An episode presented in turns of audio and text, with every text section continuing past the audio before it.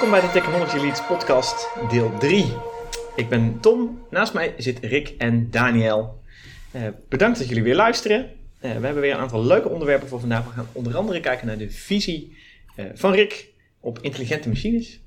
Ehm, maar hoe is het verder ermee, mannen? Ja, goed. Ja? Heel goed. Spannende Ja. dingen beleefd afgelopen week? Ja, druk geweest bij klanten. Ehm, ja, ontzettend druk eigenlijk. Alles afronden voor de ja, vakantie. Ik ben een weekje weg eh, Lekker, lekker. eh, met kerst. Maar verder... eh, ja, Geen alles seminars? Geen seminars op het nee. programma op dit moment? Of. Ja, webcasts? half, ja- half januari weer. Half Dus, januari. Oké, oh, ik- dan ben ik weer in Londen. Dus gaaf. ja, heel leuk. En hoe is het met Rick? Ja, ik heb afgelopen woensdag de hele dag training gegeven. En mijn stem is er niet beter op geworden, zoals je hoort. Maar de show must go on, hè. Ja, dus ja. eh, we gaan gewoon een podcast maken. Helemaal goed, helemaal goed. Het klinkt eh, een mooie donkere radiostem eh, op dit moment. dus, eh, Speciaal opgeoefend. ja, ja. En hoe is het met jou? En we hopen dat hij het volhoudt. Ja, prima ook. Ehm, ik heb inderdaad ook op dit moment een aantal dingen bij klanten lopen waardoor ik veel onderweg ben. Eh, met als voordeel dat ik veel podcasts geluisterd, geluisterd heb. Niet opgenomen, maar geluisterd heb. Dus dat is ook wel eens eh, eh, wel leuk, want het geeft ook weer, nou, het geeft ook weer inspiratie. eh, Ja. En, en eh, ja, ook wat voor onderwerpen, wat voor dingen komen er verder nog langs in, in Techland. Nou, Dus, geef gelijk even een tip. Wat zijn de aanrader podcast eh, Op, ja, nou, ik- op dit moment ben ik aan het luisteren naar de Wired. eh, een aantal podcasts van Wired. Die heeft ook een hele lijst. Eh, BNR heeft een aantal, heeft de Technoloog als een hele leuke tech-podcast. Mhm. Eh, ja, soms vind ik het ook gewoon leuk om eh, naar de voetbalpodcast te luisteren, die elke week eh, online staat. Eh, en ehm, eh, de, de Tweakers Technology Podcast is ook, ook een erg leuke.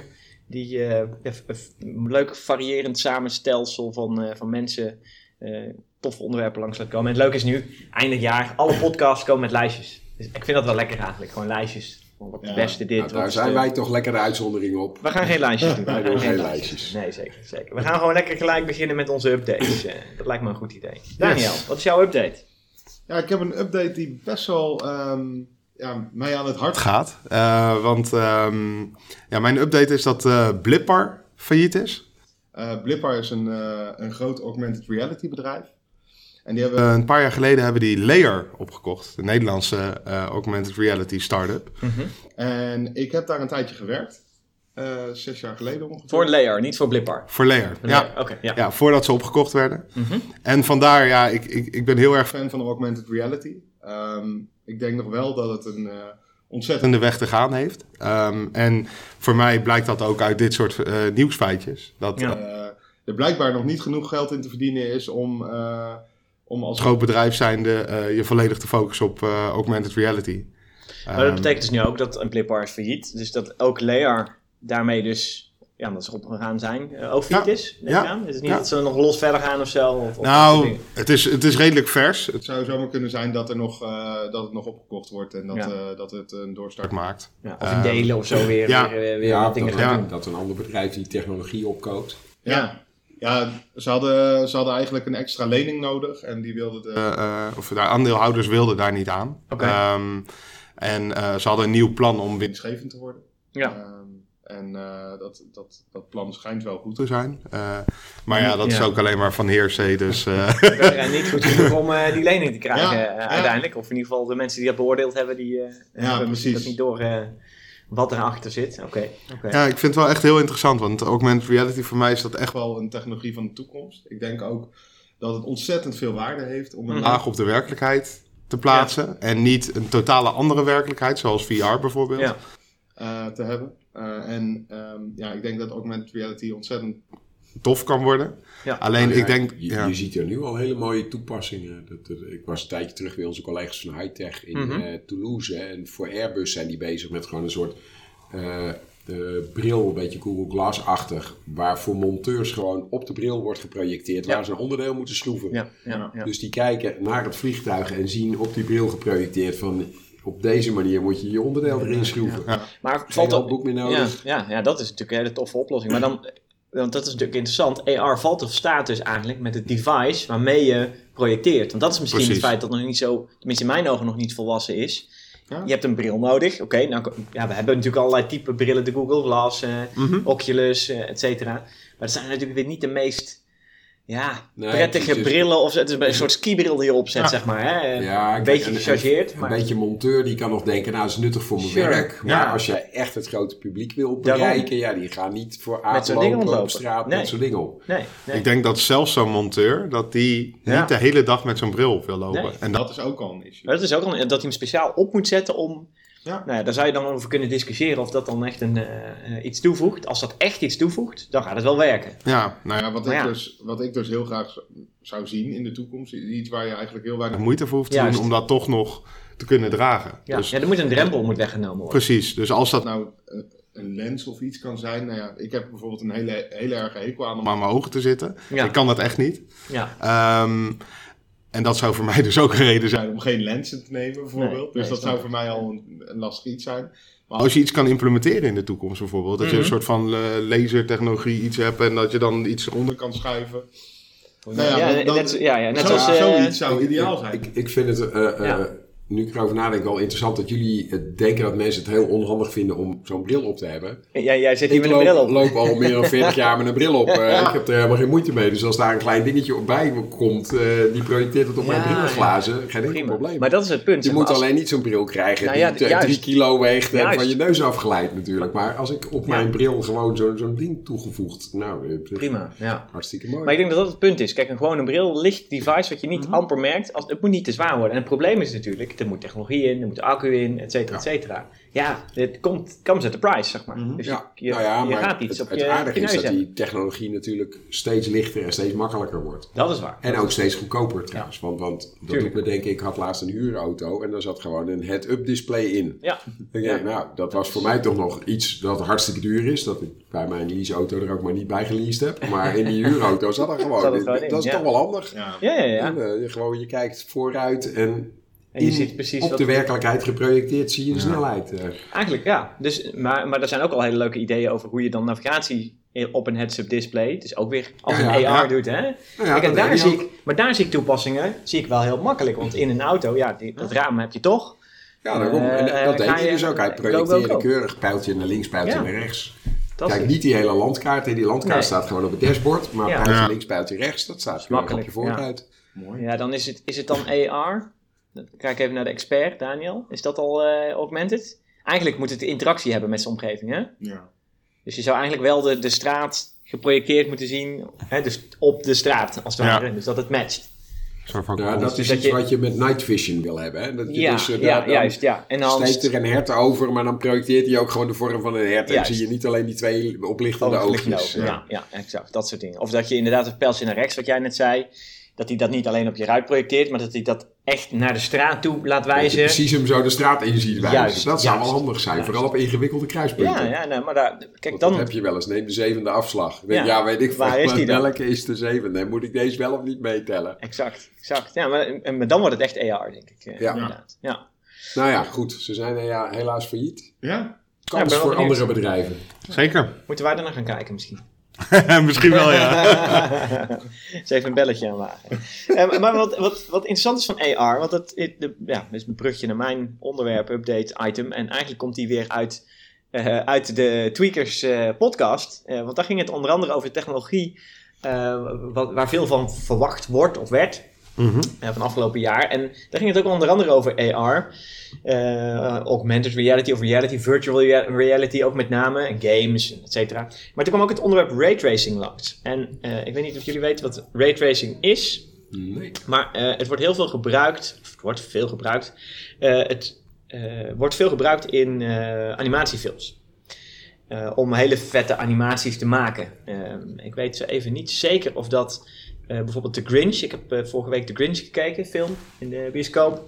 Dat ze dat daar ook bij gebruiken. Maar eh, ik weet dat Pixar eh, frame voor frame rendert. En dat ze gewoon twee uur kunnen doen over één frame. Eh, Oké. Met raytracing. En eh, wat het eigenlijk doet, is dat je gewoon een enorm bombardement van licht eh, op de hele scène die je wil eh, renderen afvuurt. En dan berekent ja, waar dat reflecties moeten komen, waar dat eh, lichtinval, kleurveranderingen, eh et cetera, zeg maar, zijn. Om zo'n soort hyperrealisme te creëren. Eh, en het gave is van die technologie dus dat, je dus echt hele mooie animaties kunt maken. Maar als je het in games toe gaat passen, dan kun je bijna een soort van echte reality creëren je hebt natuurlijk allerlei first-person shooters tegenwoordig die ja, echt situaties nabootsen van dat je door Rotterdam de Tweede Wereldoorlog meemaakt, bij wijze van spreken. Eh, maar ja, zo heb je heel veel van dat soort games die de omgeving ja, zo realistisch, realistisch mogelijk maken, alsof je er echt in zit. Eh, en ik denk dat met VR dat we dat nog veel meer proberen te creëren. Hè? Dat, je, dat je helemaal ergens in zit. Maar door raytracing te doen kun je de, ja, je omgeving zo mooi maken dat het ja, fotorealistisch wordt. Ja. Dat, is, dat is wel heel bijzonder. Alleen het probleem, het probleem hiervan is, is dat we heel veel rekenkracht daarvoor nodig hebben. Een paar uur rekenen voor één frame om daar hele mooie scènes mee te maken in films. Dat is nog wel te doen. Die hebben gewoon server farms en die draaien dat wel. Als we vijf jaar verder zijn, kan een standaard laptop dat. Ja, ja, ja, ja. Nou ja, de, de, het was een interessante discussie, denk ik. Want eh, eh, in de Tweakers podcast ging het dus heel erg over videokaarten en ontwikkelingen van videokaarten. Of die al dan niet snel genoeg gaan om nou, jouw voorspelling van jij zegt vijf jaar. Nou, laten we daar laten we even eh, kijken hoe hard dat gaat. Ik ben heel erg benieuwd. Eh, want het probleem is, is dat je dadelijk gewoon, eigenlijk wil je eh, live raytracing doen. Ja, Dus je wil gewoon eh, real-time real raytracing doen eigenlijk. Nou, dan heb je echt wel se- serieuze rekencapaciteit nodig. ja natuurlijk. Maar ik, ik heb daar best nog een geloof in dat de, de kracht van computers blijft toenemen. Ja, ja. Ik, ik, Wet van ik, Moore. zit- ik zit dat al bijna 40 jaar van nabij te, te bezien. Mhm. En als ik dan nu zie dat, dat een simpele telefoon meer rekenkracht heeft, sterker nog, duizend keer meer rekenkracht heeft Mhm. dan een mainframe eh, toen ik begon. Ja, ja. Ja, dat dat- ja. Ja, dus dan is, dan is de stap naar real-time raytracing eh, om eh, hele mooie animaties te maken, is, is, ja, ja, is misschien helemaal niet zo ver weg in, eh, als wat we denken inderdaad. Ja. Ja. Goed punt, goed punt. Eh, maar ik vond het wel mooi, hè, zeg maar, want er was een hele discussie, dus is er dus eigenlijk gaande over, oké, gaat nu VR het zijn in, in gaming en in, in movie en in entertainmentwereld, zeg maar, in de multimedia wereld, laten we dat dan eh, zo neerzetten. Ehm, eh, ja, is dat de, de komend jaar, is dat de toekomst? Of, nou ja, met AR hadden we net al gezegd, ja, Ja. dat is een drempel wat betreft hardware. Iets wat op je neus moet, iets wat in je oog moet. Nou, Rick heeft al heel lang een bril, zei eh, ik heb al heel lang lenzen. Ik heb ook een bril daarnaast nog. Dus ik vind het prima om iets in mijn ogen te stoppen, zeg maar. Ja. Geen probleem. Ja. Ehm, wat de stap naar AR niet zo heel ver weg maakt in mijn ogen. Eh, hoewel we nog steeds die devices moeten ontwikkelen om dat te kunnen doen. Dus met een jaar zijn we daar niet. Dat, dat lijkt me niet. Maar de stap naar raytracing, real-time raytracing en, en dat op je scherm krijgen, ja. Nou, misschien als ik jou zo hoor, Rick, dan, eh, zou dan, zomaar dan zou dat zomaar eens het komende jaar eh, ineens een hele harde stap gemaakt kunnen worden. Maar wa- waarom draag je eigenlijk lenzen en waarom draag je geen bril? Eh, nou, omdat ik vrij slechte ogen heb. En als ik een bril zou dragen, dan zouden de glazen nogal dik worden. Oké. Ja, tegenwoordig heb, ik, heb je ook eh, allerlei hele hippe nieuwe Mhm. methodes om glazen dun te slijpen. Dus ik heb nu ook een bril met dunne glazen, relatief dunne glazen natuurlijk. Ja. Eh, maar eh, ja, van oudsher was dat eigenlijk een soort shampoo glazen bril, weet je wel. Nou, Ja, precies. gauw eh, minder gewicht, punt 1. en, eh, en gewoon prettiger om lens in te doen. Ja. Dus, eh, dus ik Ja, al want- eh, 30 jaar lens of zo. Ja. Nou, dat is precies zo'n ding waar ik dus mee zit met dat, met het hele AR-vraagstuk. Van Mhm. Iedereen die kan wel een bril gaan dragen, maar niet iedereen wil dat ook. Mhm. En dat, dat is denk ik de dat- grootste... de, grootste drempel die we over moeten eigenlijk. Ja, ja. Want zolang dat niet gaat gebeuren, dan... Dan, dan, ja, dan zal AR ook niet slagen in zo'n opzet. Nee, maar het Ja, hangt er dat ook vanaf wat je er precies mee wilt. Ja, Kijk, bij zo'n monteur in zo'n vliegtuigfabriek kan je nog eens zeggen... joh, jij moet gewoon een bril opdoen overdag en dan hebben ze dat. ja. Als het Of voor hij de neemt lol is... Of hij neemt een iPad mee, bij wijze van spreken. Ja, die dat houdt hij voor ook. zijn neus en de camera projecteert op zijn eh, scherm wat hij, wat hij moet doen. Dat kan natuurlijk Ja. ook, hè? Ja, In zo'n geval. niet. Ja, precies. Maar, Maar als hij zijn handen vrij wil met hebben- name om Precies. als je het grote publiek wil bereiken Ja. voor day-to-day dingen. Maar ja, misschien dat daar ook dan weer andere oplossingen voor komen. En dat sommige mensen het de moeite waard vinden om zo'n bril op te zetten. Ja. En anderen denken, nou, laat maar, dan hoef ik die toepassing niet. Ja, ja, ja. Totdat de toepassing zo belangrijk wordt dat ze het wel willen. Het zou zomaar kunnen dat op een gegeven moment er een zo leuke game komt... dat opeens de hele jeugd op de middel- middelbare school allemaal met een bril oploopt. Ja, ja, ja. Net als Ja, iedereen terwijl- de, oortjes in heeft en de telefoonschermpje zit te kijken, is Dus- dadelijk dus- ineens een bril helemaal eh Ja, mainstream. kan zomaar Ja. helemaal hip zijn. Of Ja. misschien komen er wel hele coole vesten met een soort projector op je schouder... die dan gewoon het Voor je voor je neus. projecteert. ja. En dan loopt iedereen opeens als een soort Marty McFly uit Back to the Future... hippe vest aan, maar dan zit er nog een projector in. Projectortje, ja. En waarom niet? Die projectors die koop je tegenwoordig ook voor 100 euro. Dus, Dat is eh, waar, Ja. dat is waar, ja. Ja, of zo moet iets in je ogen gepro- geprojecteerd gaan worden uiteindelijk. Ja, dat is Ja, natuurlijk maar wel waar een vandaan?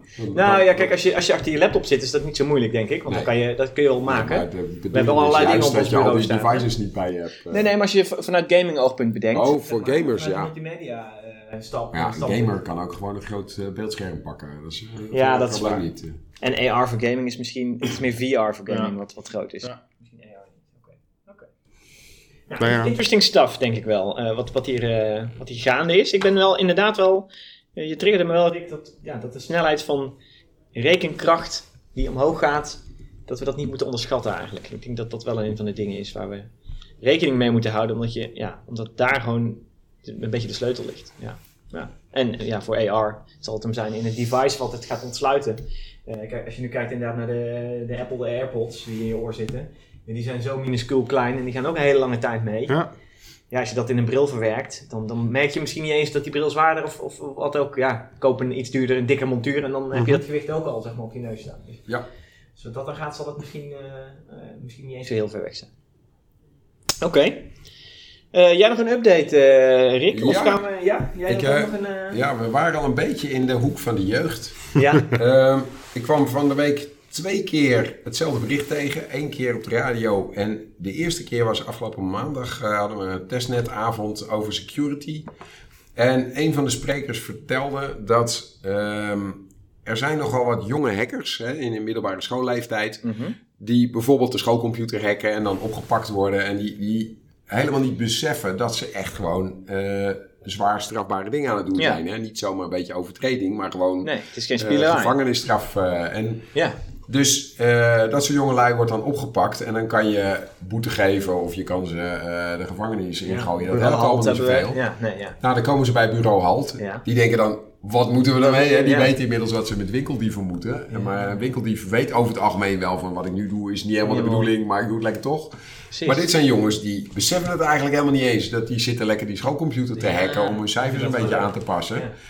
En, eh, nou, en om daar nou wat aan te doen, hebben ze bedacht een strafstage. Dus Strafstage. die jongens die moeten voor Wauw. straf stage lopen bij een securitybedrijf. Oh, oké. Ik zou Om er dus dan. Ja. achter te komen van wat mag nou wel en wat mag nou niet. Mhm. Maar bovendien, van hoe werkt dat dan allemaal? En bovendien, jij denkt wel dat niemand jou ziet, maar wij zien jou echt wel. Juist, ja. ja, ja, Ah. En wat die man er niet bij vertelde, maar wat ik er onmiddellijk achteraan dacht, was... Dit is ook wel een hele erg mooie wervingsmanier natuurlijk. Want je weet Juist, precies, ja, al ja. die jochies, hè, al die skipkiddies... Ja. Die dat zijn precies degene die je in dienst wil nemen als ze van school afkomen. Dus Maar heb je ook niet de andere kant? Kijk, eh, strafstage is één ding, maar maak je ze dan niet slimmer door ze bij een securitybedrijf nou, eh, ja, stage te laten lopen? Want de volgende, het volgende wat ze kunnen doen, dan weten ze ook van de security nog, nog meer af. nou ja, de, Ja. Het wordt bedoeling, alleen maar beter. de bedoeling van de strafstage is wel dat ze doorkrijgen Ja, dat ze dingen doen die Awareness. niet mogen. En dat ze misschien dan wel besluiten om een ethical hacker te worden. En dan mag het Ja, weer wel. oké, oké, oké. Ja, Dus, ja, oké, ja. Maar- leuk, wat, met name op de radio er ook bij werd gezegd, want je denkt al gauw, nou, dit is gewoon een coole stage voor jongelui. Dan, Ja, nee, ja, je moest wel bedenken, wel, het was echt een straf.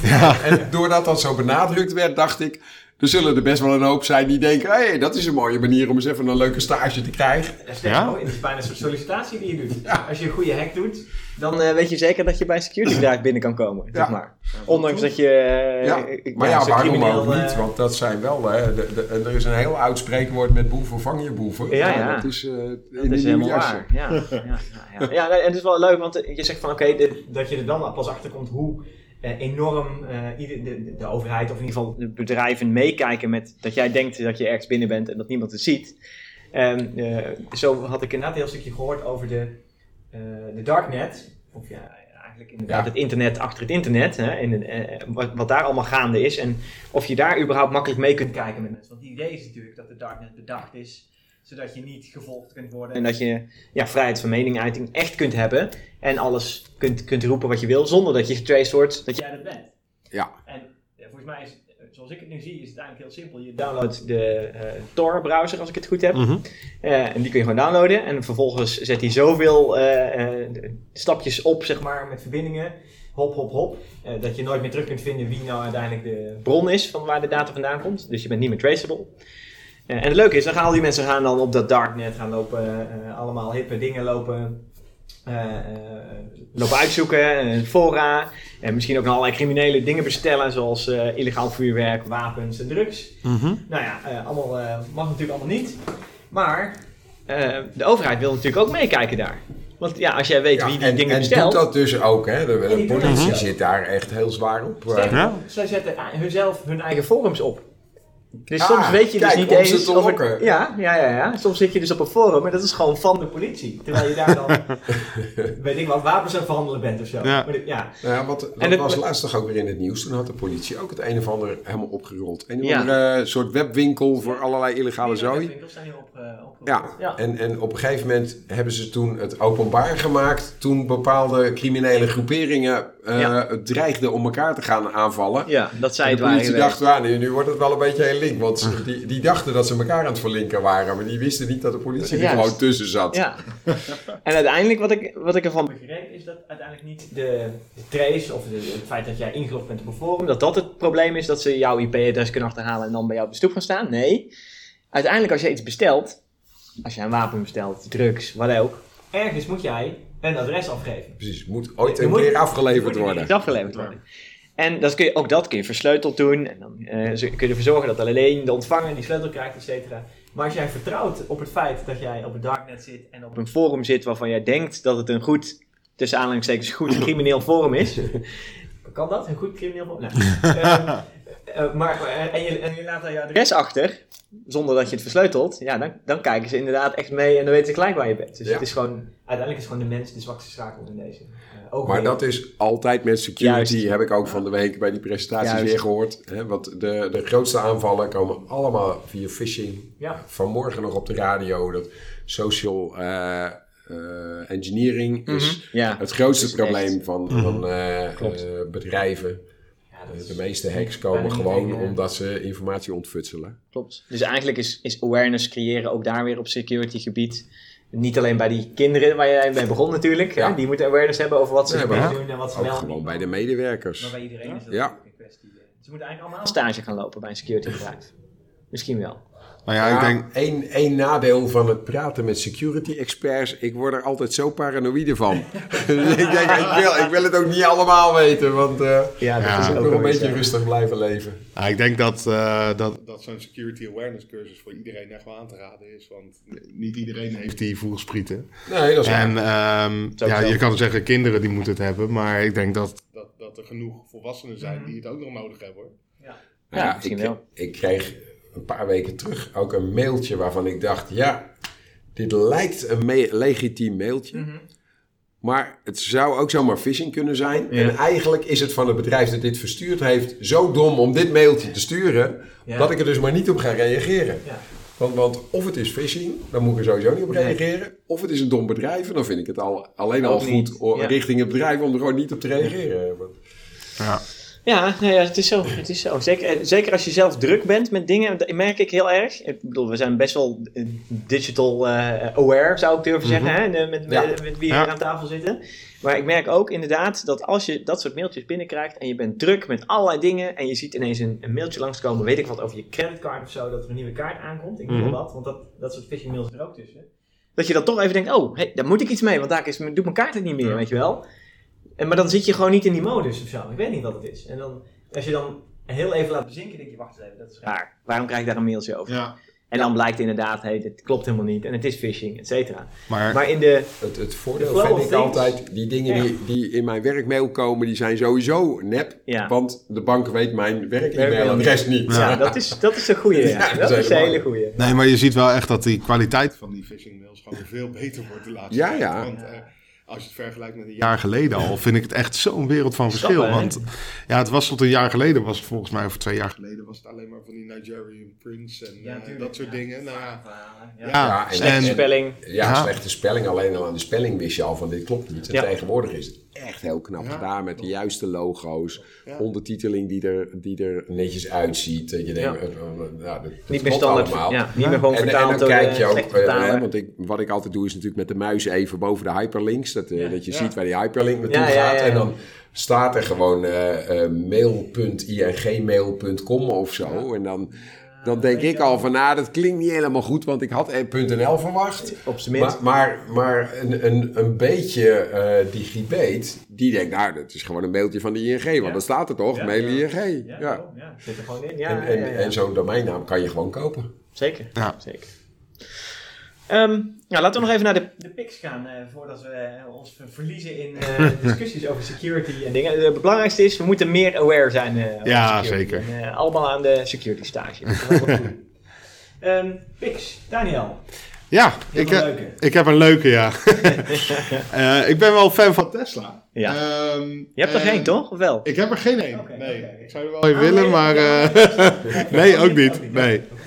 Nee, maar ik vind het altijd wel leuk eh, wat voor, ehm, ja, wat voor eh, Easter eggs en achtige dingen ze allemaal eh, in de Tesla's bouwen altijd. En ehm, ja, ik zag er weer één voorbij komen en dat is...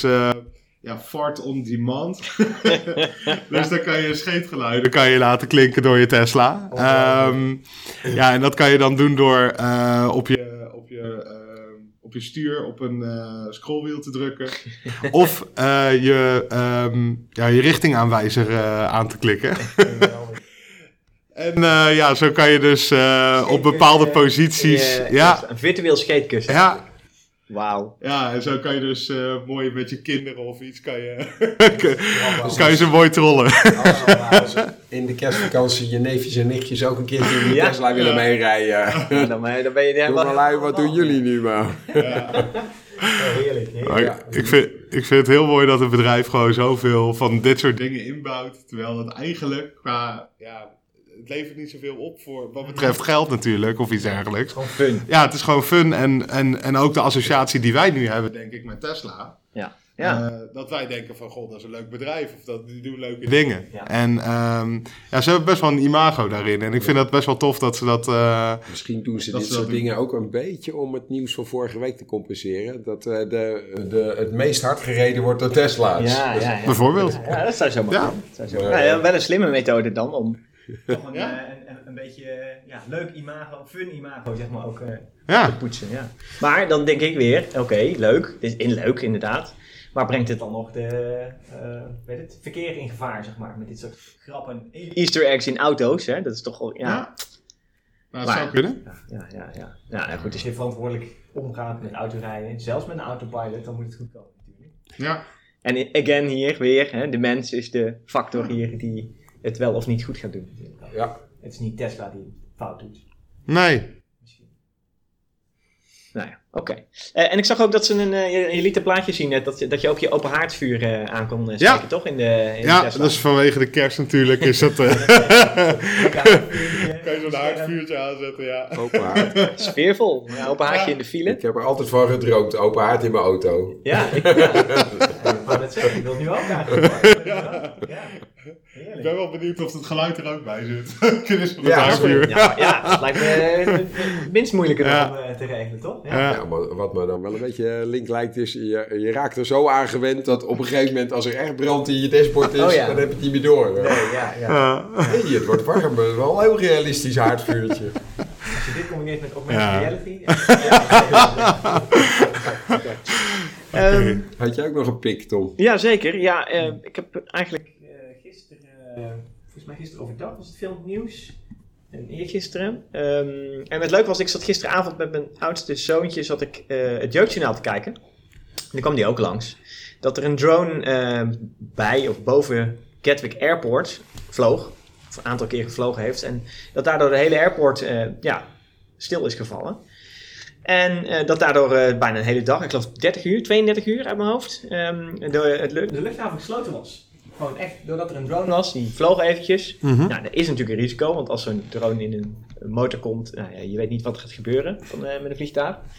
Aan de andere kant denk ik, ja, Ja, klein droontje ik door vond, een ik motor vond hem wel weer een beetje overdreven. Want Ja. in het ergste geval valt er één motor uit. Ja. Alle moderne vliegtuigen kunnen op één motor nog steeds de start eh, veilig voltooien. Ja, En, dan, ja, dan weer draaien, landen, Ja. klaar. Eh, om daar nou twee dagen lang een heel vliegveld Ja. voor te sluiten, vond ik wat overdreven. Nou ja, kijk, de andere Daarnaast zei de, zei de politie, want die Ja. hadden gezegd van ja, eh, we schieten die drone al uit de lucht. Ja. Maar daar waren ze weer bang voor verdwaalde kogels. Juist, ja. Dat zegt vooral wat over de schietvaardigheid van, die de politie. politieagent. Ja, ja, ja, eh. ja. Ja. Ja, misschien, misschien is het ook wel een statement.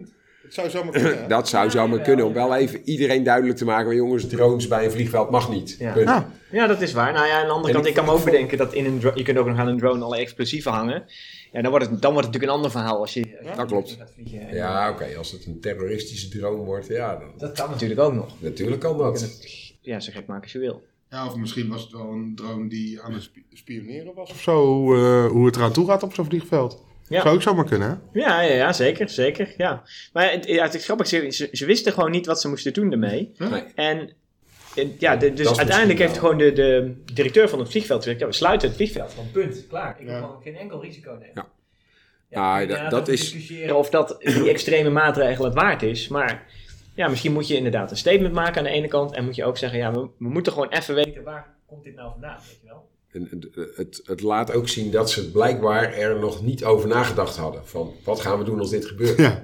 Ja, ja, ja, ja misschien is dat het, zou ook wel. wel eens interessant zijn om bijvoorbeeld eens aan eh, de directie van Schiphol te vragen van, wat zouden jullie doen? Wat is je, wat is je Het zou, protocol? zou me ook niet verbazen als op dit moment alle vliegtuigdirecteuren ter wereld aan het nadenken Ja? zijn. Wat Ja? zou ik doen? Ja? Ja, absoluut. Want ik denk echt dat je een, eh, een soort protocol klaar moet hebben, een draaiboek moet hebben liggen eh, om, ja, tegen dit scenario eigenlijk. En misschien dat Ja. ze het hebben, I don't know. Maar ehm, ja, ik vond het wel een eh, ja, verbazingwekkend nieuws. En het leuke was, ja, als je dan naar het jeugdjournaal kijkt, dan krijg je dat dan een hele mooie hapklare taal zeg maar, eh, binnen. Hoewel ze dat...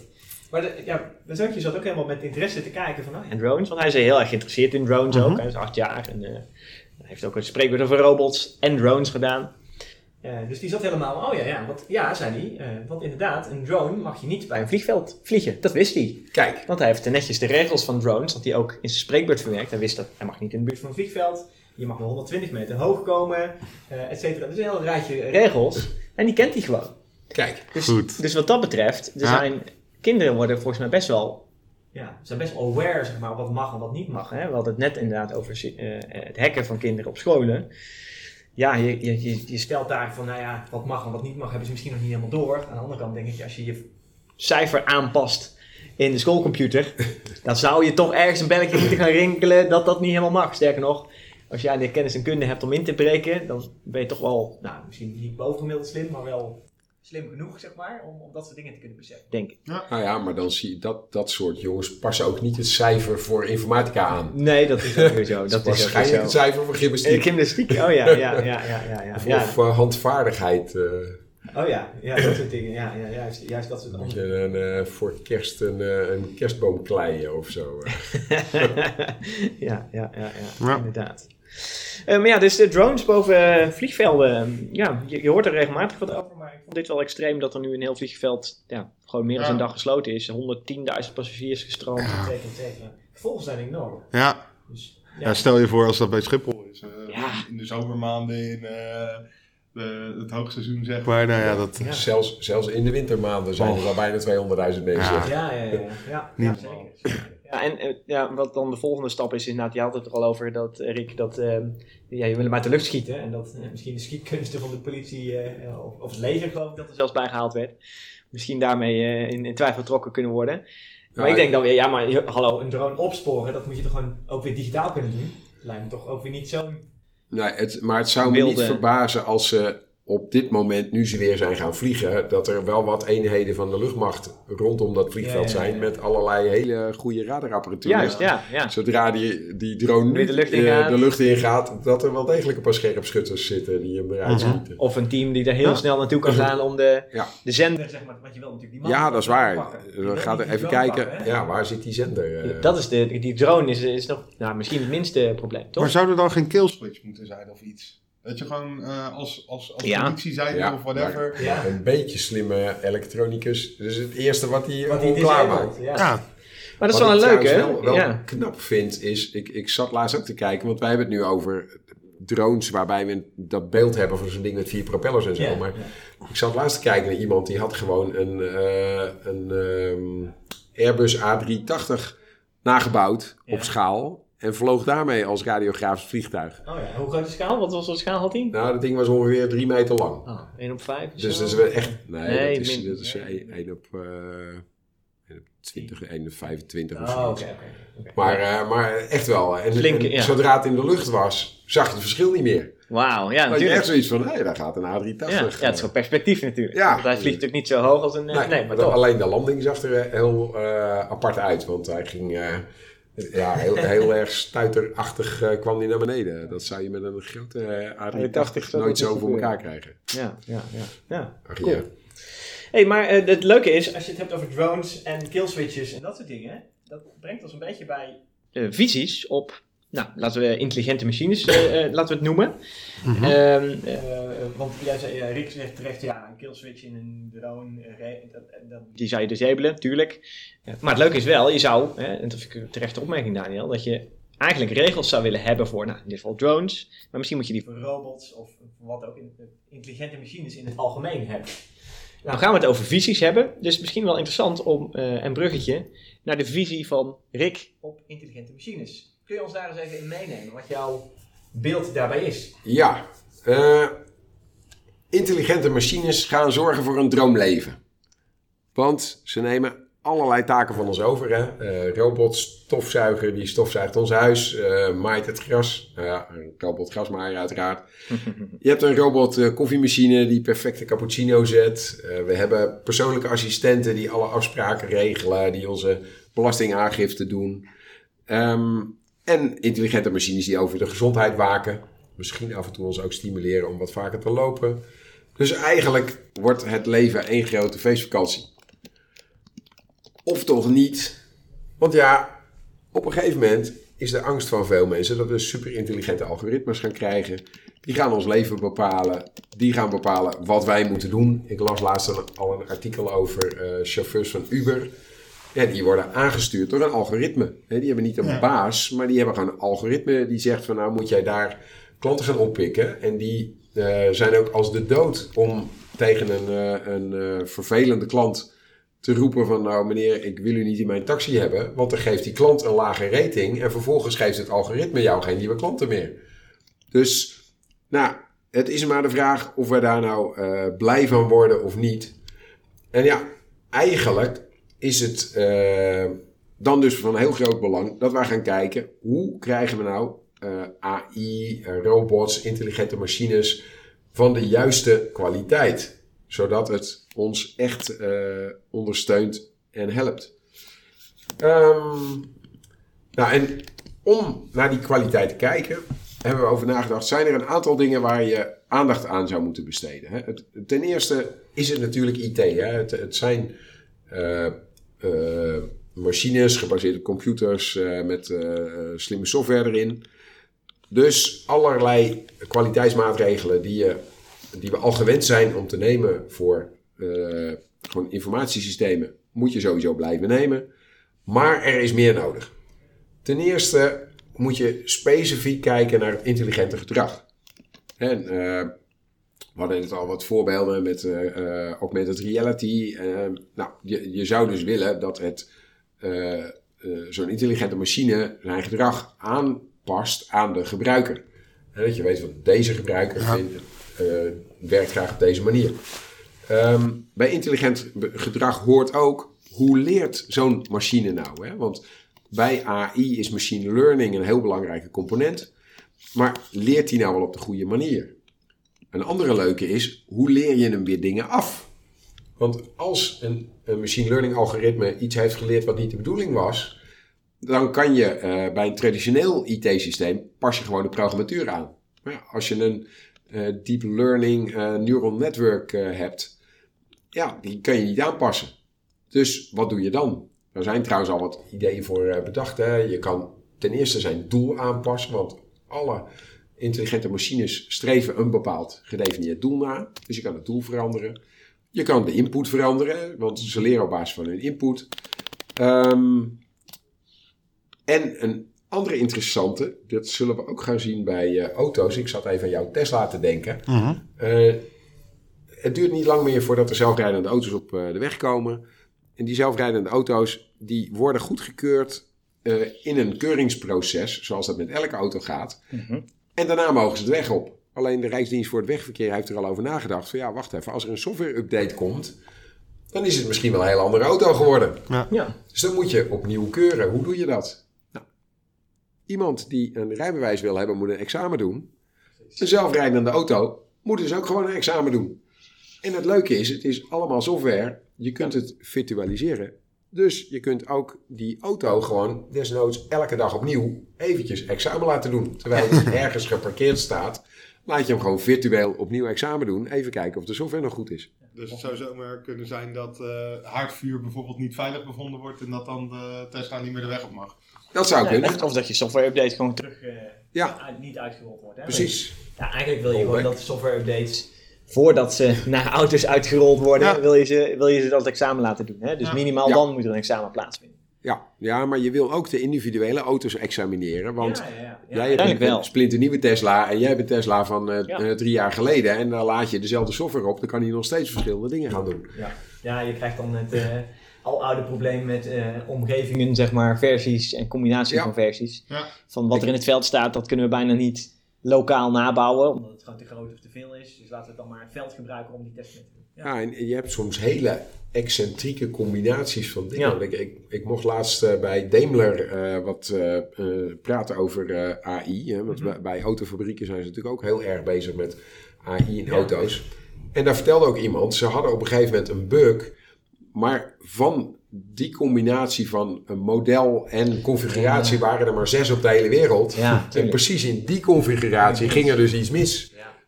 En Alleen dat was een vrij duur model, waar één van die zes auto's was van een van de directeuren. Dus dat was dan natuurlijk wel vrij snel bekend in de fabriek Ja, ja. dat het misging. Ja. nou dat is de volgende discussie. Ga je het dan oplossen of niet? Inderdaad. Dat, dat, weet je, dat, dat hoeft ook nog ga niet je eens aan per die se. directeur vertellen van, nou ja, sorry, maar dit komt zo weinig voor. Ja. Jammer, Ja. leef er maar mee. En Ja. het hangt er dan weer vanaf, is het een safety critical ding? Juist, ja. Want het Ja, ging om een niet safety critical ding. Ja. Het was iets met de audio-installatie die Oké. het niet deed als je de achteruitverwarming aandeed. Of Ja, eh, nou, iets, ja. iets eh, in die... Iets eh, vaaks. Oké, je verwacht van zo'n luxe model dat dat natuurlijk werkt. ja, precies. Maar ja, aan de andere kant, als je dat tonnen kost om op te lossen en uit te rollen, voor die zes auto's, ja, misschien ook een beetje. Ja. dan is het, case, je dan is het case goedkoper om te zeggen, hier heeft u een andere auto. Ja, waarschijnlijk wel, ja. Ja, ja bizar. Ehm, Nou, wat interessant is, is je je zegt AI soort van droomleven. Of toch niet, eigenlijk. Hè? Dus dat, Ja. eigenlijk is dat een beetje het, Het is dilemma waar we- het dilemma, waar we- ja. waar we in Ja. zitten. Hè? Het, het droomleven is... Aan de ene kant kan het een droomleven worden omdat een hele hoop saaie dingen ons uit handen genomen gaan worden. Ja, aan de andere kant, ja, als die robotstofzuiger eh, of robot eh, grasmaaier op hol slaat en heel mijn tuin omploegt. ja. ja. dan weet ik niet of ik het zo handig vond dat hij me dat uit handen genomen heeft. En als er daar een fout in sluipt, die eh, nou, toevallig in mijn combinatie, ja, krijg ik dan een nieuwe tuin van eh, meneer iRobot of eh, dan ook. Wat, wat eh, ja, gevolgen kunnen nog wel eens ja, Nou, voor vervelende situaties zorgen. Je triggert me. Eh, Een van de ideeën die mensen vaak hebben is Mhm. dat je graag artificial general intelligence wil hebben. Dus een soort Ja. robot die van alles kan. Ja, ja. Hè, het, het, het traditionele blikken mannetje die gewoon de, de grasmaaier uit, het, eh, uit de schuur haalt en dan het gras Juist. gaat maaien. Maar En daarna koffie gaat zetten. En Precies, dan ja. gaat, loopt hij. Ja. Ik denk niet dat we dat gaan krijgen. Het is veel handiger om Ja. een dedicated robot grasmaaier te hebben. Die goed getest is op grasmaaien. En die dus inderdaad niet je tuin gaat omploegen. En die ook niet eh, eh, je rozenstruiken eh ommaait. omdat hij gewoon niet hoog genoeg kan maaien. En, ehm, dus je krijgt heel veel machines die specifieke taken doen. Echt specialisme. Ja, precies. Ja, slimme, Specialistische robots. ja, dus intelligente, intelligente machines zijn dus allemaal intelligent op, op hun eigen, binnen hun eigen domein. Ja, Dat is eigenlijk wat, wat een- sowieso minimaal de eerste stap moet zijn. En, maar is dan een zelfrijdende auto, is dat dan, die kan, lijkt al meer dingen tegelijk te kunnen, toch? Of niet? Vind je dat ook eh, Ja. een specifiek domein? Het lastige van de definitie van. eh, eh, want ik had het net over artificial general intelligence. Dus Ja. dat is een robot die hetzelfde kan wat een mens zou kunnen. Ja, Alles daaronder noemen we artificial narrow intelligence. precies. Maar een zelfrijdende auto level 4, die over drie jaar in Nederland op de weg komen. Mhm. Ja, dat is natuurlijk best wel heel knap. En die kan best wel heel veel dingen. Maar het is nog steeds narrow intelligence. Want als je tegen die machine zegt: haal een kop koffie. Dan kan hij niet veel meer dan voor de Starbucks stoppen. Maar feitelijk een kop koffie halen kan hij niet. Ehm, ja. Ja, oké, ja. Dat is je, de- je definitie van haal een kop koffie of breng mij zo dicht mogelijk bij de koffie, zeg maar. Ja, ja, ja, precies. ja, ja, ja. Oké, oké, ja. Maar dat is wel interessant, want je zegt eh, de level 4. Want ik, zit even, ik zoek ondertussen even heel snel iets op. Ik zag de hype cycle weer eens voorbij komen van Gardner. Eh, juli 2018. Daarin staat Autonomous Driving Level 4, namelijk. Want ik was even benieuwd waar die zat. En die gaat al richting de Throw of Disillusionment. Die is al voorbij Oh ja. de peak of inflated expectations, et cetera. Dus die, die piek is hij al voorbij en dan gaat al richting het eerste dal, zeg maar. Eh, maar het leuke is Nou ja, wel... dat, dat, dat we- onderbouwt een beetje het Ja, idee van de juist. Rijksdienst voor het Wegverkeer. Dat die Ja. inderdaad over drie jaar zo'n beetje op het normaal van nu, nu kan het gewoon de weg. Pro- pro- Nou ja, en dat is dan weer interessant, want veel van die bolletjes het is, eh, van emerging technologies die hierop staan zijn allemaal twee, vijf jaar, vijf tot tien jaar soms. Ja. Maar deze, more than 10 years, wordt hier toch nog van verwacht dat het gaat duren, dat dit Zo. een eh, mainstream technology gaat zijn. Dat is de verwachting van Gardner, Er- hè? was- Volgens Gardner is dit... ja, eh, precies. eh, De- de- de- eh, waarschijnlijk hebben ze dit onderzocht in een land met auto-industrie. De, ik Ja. heb een presentatie gezien van iemand van de Rijksdienst voor het Wegverkeer. Ja. Die dus vertelde dat ze verwachten in 2022 in Nederland level 4 toe te laten. Oké, echt toe te laten, En- ja. En daar zijn, twee, ja. maar er zijn twee redenen voor waarom ze verwachten dat het in Nederland wordt toegelaten. Ehm, de ene is, Nederland heeft een goede wegeninfrastructuur. We hebben niet zo heel veel gekke gaten in de weg. We hebben netjes lijnen op de weg. Ja. En level 4 betekent dat je in een defined environment Ja. mag rijden. Hè? Want level 5 is dat hij gewoon overal, Overal, wereld juist. gedropt kan worden en dan kan hij rijden. Nou, dat, dat niveau hebben we voorlopig nog niet. Nee. Maar in Nederland is de infrastructuur zodanig dat hij inderdaad eh, heel goed uit de voeten kan. En misschien alleen midden op de Veluwe op een gegeven moment zegt: Hier snap ik het niet Ja, meer. ja, nou, en dan, dan rijdt hij gewoon niet verder. Ja. Eh, maar een tweede belangrijke reden waarom ze denken dat het in 2022 al kan, is Mhm. Nederland heeft geen eigen auto-industrie. Want in Duitsland komt het probleem dat als de Duitse RDW zegt Mercedes mag wel op de weg, BMW niet, Ja. dan krijg je een enorme politieke rel. Ja, natuurlijk. Want dan is het voortrekken van de ene industrie Ja, en de andere niet. En in Nederland kan je gewoon zeggen, nou wij hebben hier regeltjes. Deze auto voldoet aan de regeltjes, jij mag de weg op. Ja. Deze voldoet niet, jij mag niet. Ja. Nou, dat is wel mooi. Dus we zijn eigenlijk, hè, als we het over testen, testen is natuurlijk wel een beetje ons onderwerp, eh, Ja, ja. eh, als ik dat zo mag zeggen, Rick. Eh, je hebt dan een on- onafhankelijke blik, zeg maar, hè, is daarbij heel belangrijk. Ja. Nederland is dus eigenlijk een heel mooi onafhankelijk land, wat dat betreft, als je het hier specifiek op zelfrijdende auto's betrekt, om dit soort dingen te testen. Ja, Maar dan zijn we niet alleen als testengineers en als testclub, maar dan zijn we als heel land, zeg maar, zijn we... Wauw, ja, dat zou... een eh, hele een grote over kunnen testomgeving. schrijven. Ja, hele grote testomgeving. Ja, je, je had het ook over, ehm, ja, over dat de algoritmes eh, ons leven gaan bepalen. Ehm, ben je er bang voor? Of? Ik persoonlijk ben er niet bang voor. Ehm, want ik zie zo vaak dat als er nieuwe technologie komt, dat mensen dan reageren van, oh, dit is het eind van de wereld. Hè. Toen Tuurlijk. de eerste stoomtrein van Amsterdam naar Haarlem reed, waren er boeren die serieus dachten dat door die enorme snelheid van 30 km per uur, dat alle hun koeien zure melk zouden gaan geven. ja, dat was dus niet zo. Nee, nee. Eh, dus eh, hè, eh, nieuwe dingen schrikken vaak mensen af. Nou ja, eh, Doemscenario's worden erbij gehaald precies. natuurlijk. En- Doemdenkers heb je ook altijd. Ja. wat je, wat je true. ziet is eh, met name eh, het idee van artificial general intelligence, of sterker nog artificial superintelligence, Mhm. zie je in eh Hollywood-films. hè. Neem de film Ex Machina. Ja. Ja, dat is wel een film waar je met een beetje eh, angstig gevoel eh, uitloopt. Hè? Ja. Dus Ja. mooie tip voor de kerstvakantie. Of Ghost in the Shell. Ik weet niet of je die gezien hebt. Nee, die ken ik niet. Dat is ook aanrader wat betreft over intelligence. En, Ja, maar ook over augmented mensen, zeg maar, humans. En, en ja, de next step daarin. Ja, zo had ik gisteren nog een discussie met iemand.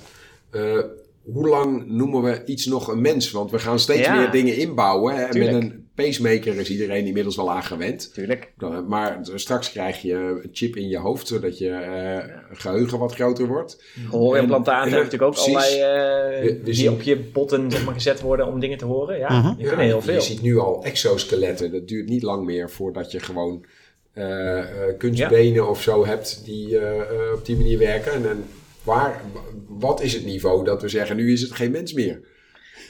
Ja, het niveau men, maar dan kom je waarschijnlijk in, in eh, het niveau van hersenen en dat soort zaken, zeg maar, die, eh, waar- waarvan je vindt dat dat nog een soort autonoom denken zeg maar, met zich meebrengt. En als je daarmee andere dingen aan kunt sturen, prima. Maar ja, goed, dan ga ik al een definitie geven. En misschien Ja, moeten we daar eens met meer eh, mensen over nadenken, inderdaad. Ja, ja, ja, ja.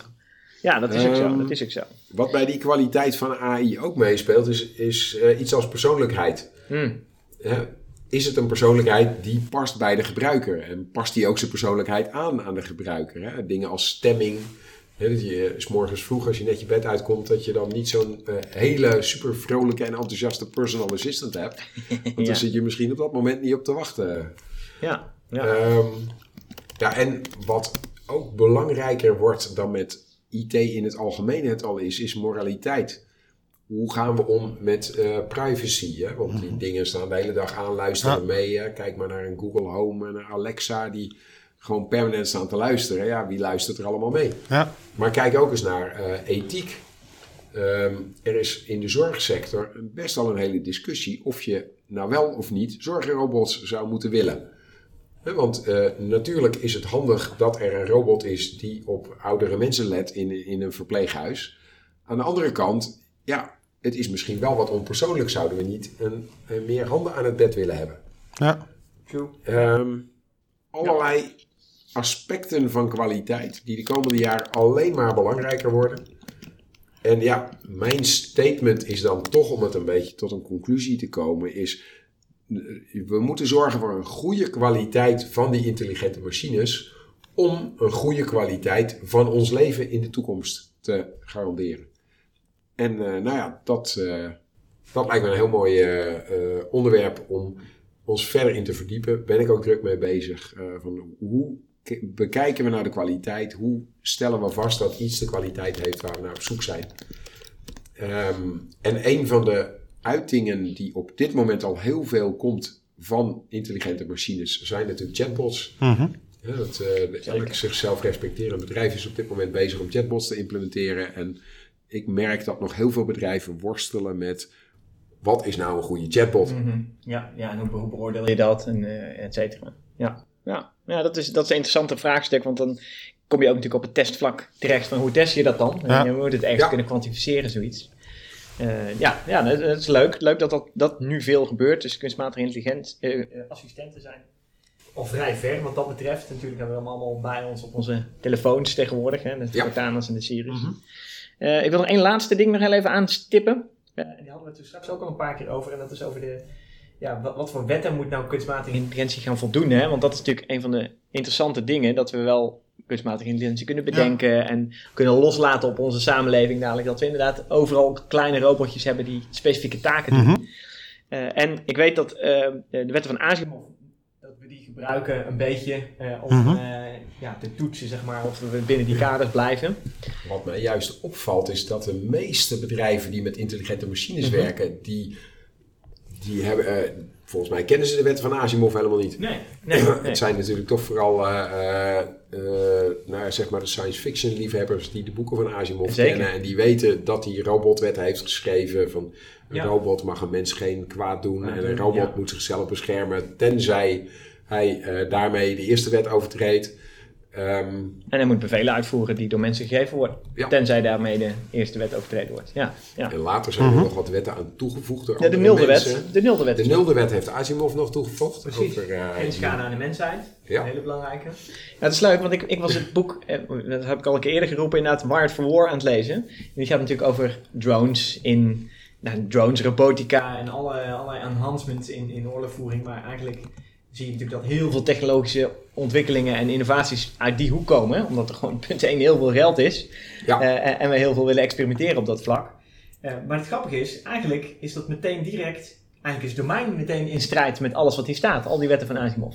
Want als jij een drone maakt die eh, een mens zou mogen uitschakelen, hè, nou, de- de designer, Ja. designer gewoon, ja, dan overtreed je dus al meteen de eerste wet. Dus je kunt ook al, ja, je, ziet dan in dat boek ook een beetje een discussie gaande over, oké, die wetten van Asimov is hartstikke goed, want eh, ja, je moet de mensen beschermen, de mensheid beschermen, et cetera, et cetera. Eh, de kans dat, de, dat die drones de mensheid om zeep helpen is overigens niet zo heel groot. Die conclusie trekken ze dan weer eh, wel. Dus, dus ondanks dat we allemaal oorlogstuig maken die slim genoeg is om zelf beslissingen te kunnen nemen, zullen die niet in één keer de mensheid uitroeien en uh, nou ja, autonoom verder gaan, zeg maar. Voor zover ze dat zouden kunnen. Dus dat zal wel loslopen.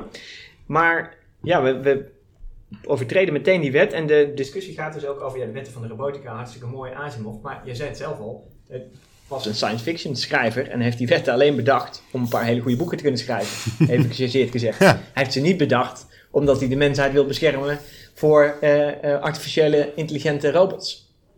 Zo is het natuurlijk ook. Dus je Nou. zou ook nog kunnen bedenken, moeten we niet nog eens even heel Ik- kritisch ik, kijken zou naar die toch wetten? wel denken dat Asimov daadwerkelijk ons ook de boodschap wilde meegeven van let op wat voor apparaten je maakt en Ja. maak geen monster van Frankenstein wat jou zelf eh, eh, gaat uitschakelen. Ja, dat is misschien wel waar. Maar misschien wel waar. eh, ja. Maar er zijn toch al bepaalde regels voor Ja, in ieder geval regels die door een bepaald, bepaald aantal grote bedrijven al gebackt zijn, of ja, niet? jawel, jawel. De- en die, die, zijn ook eh, spin-offs ja. van, de, van de wetten van... eh, Ja, precies. Dus, het- dus het gebeurt ook wel. Ja. Maar we moeten ons ook niet blind staren op de wetten van Asimov. Nee, nee, En, Nee. eh, en dat is het, zeg maar. Dat is de afbaging. Hoewel ik het wel ergens met, met Rick eens ben dat dat een, hele, een heel goed startpunt is Ja. om, om ja, je omgeving af te bakenen. Maar ja, Ja. de defensiewereld, eh, die treedt dit eigenlijk met handen en voeten. Hoewel je ook ziet dat zij aan het kijken zijn naar die wetten. Ja. Ja, hoe, hoe werkt dat dan? Weet je wel? Ja. Bescherm je alleen de, jezelf waarschijnlijk. Alleen de bestuurder wordt beschermd Precies. tegen de, Ja, eh, tegen de een, dodelijke een, krachten een van de eh, voordelen van eh, intelligente eh, nou ja, eh, wapentuig is natuurlijk wel dat die veel gerichter dingen kunnen doen. Ja. Eh, hè, er was natuurlijk pas de herdenking van de Eerste Wereldoorlog, 100 jaar geleden. Mhm.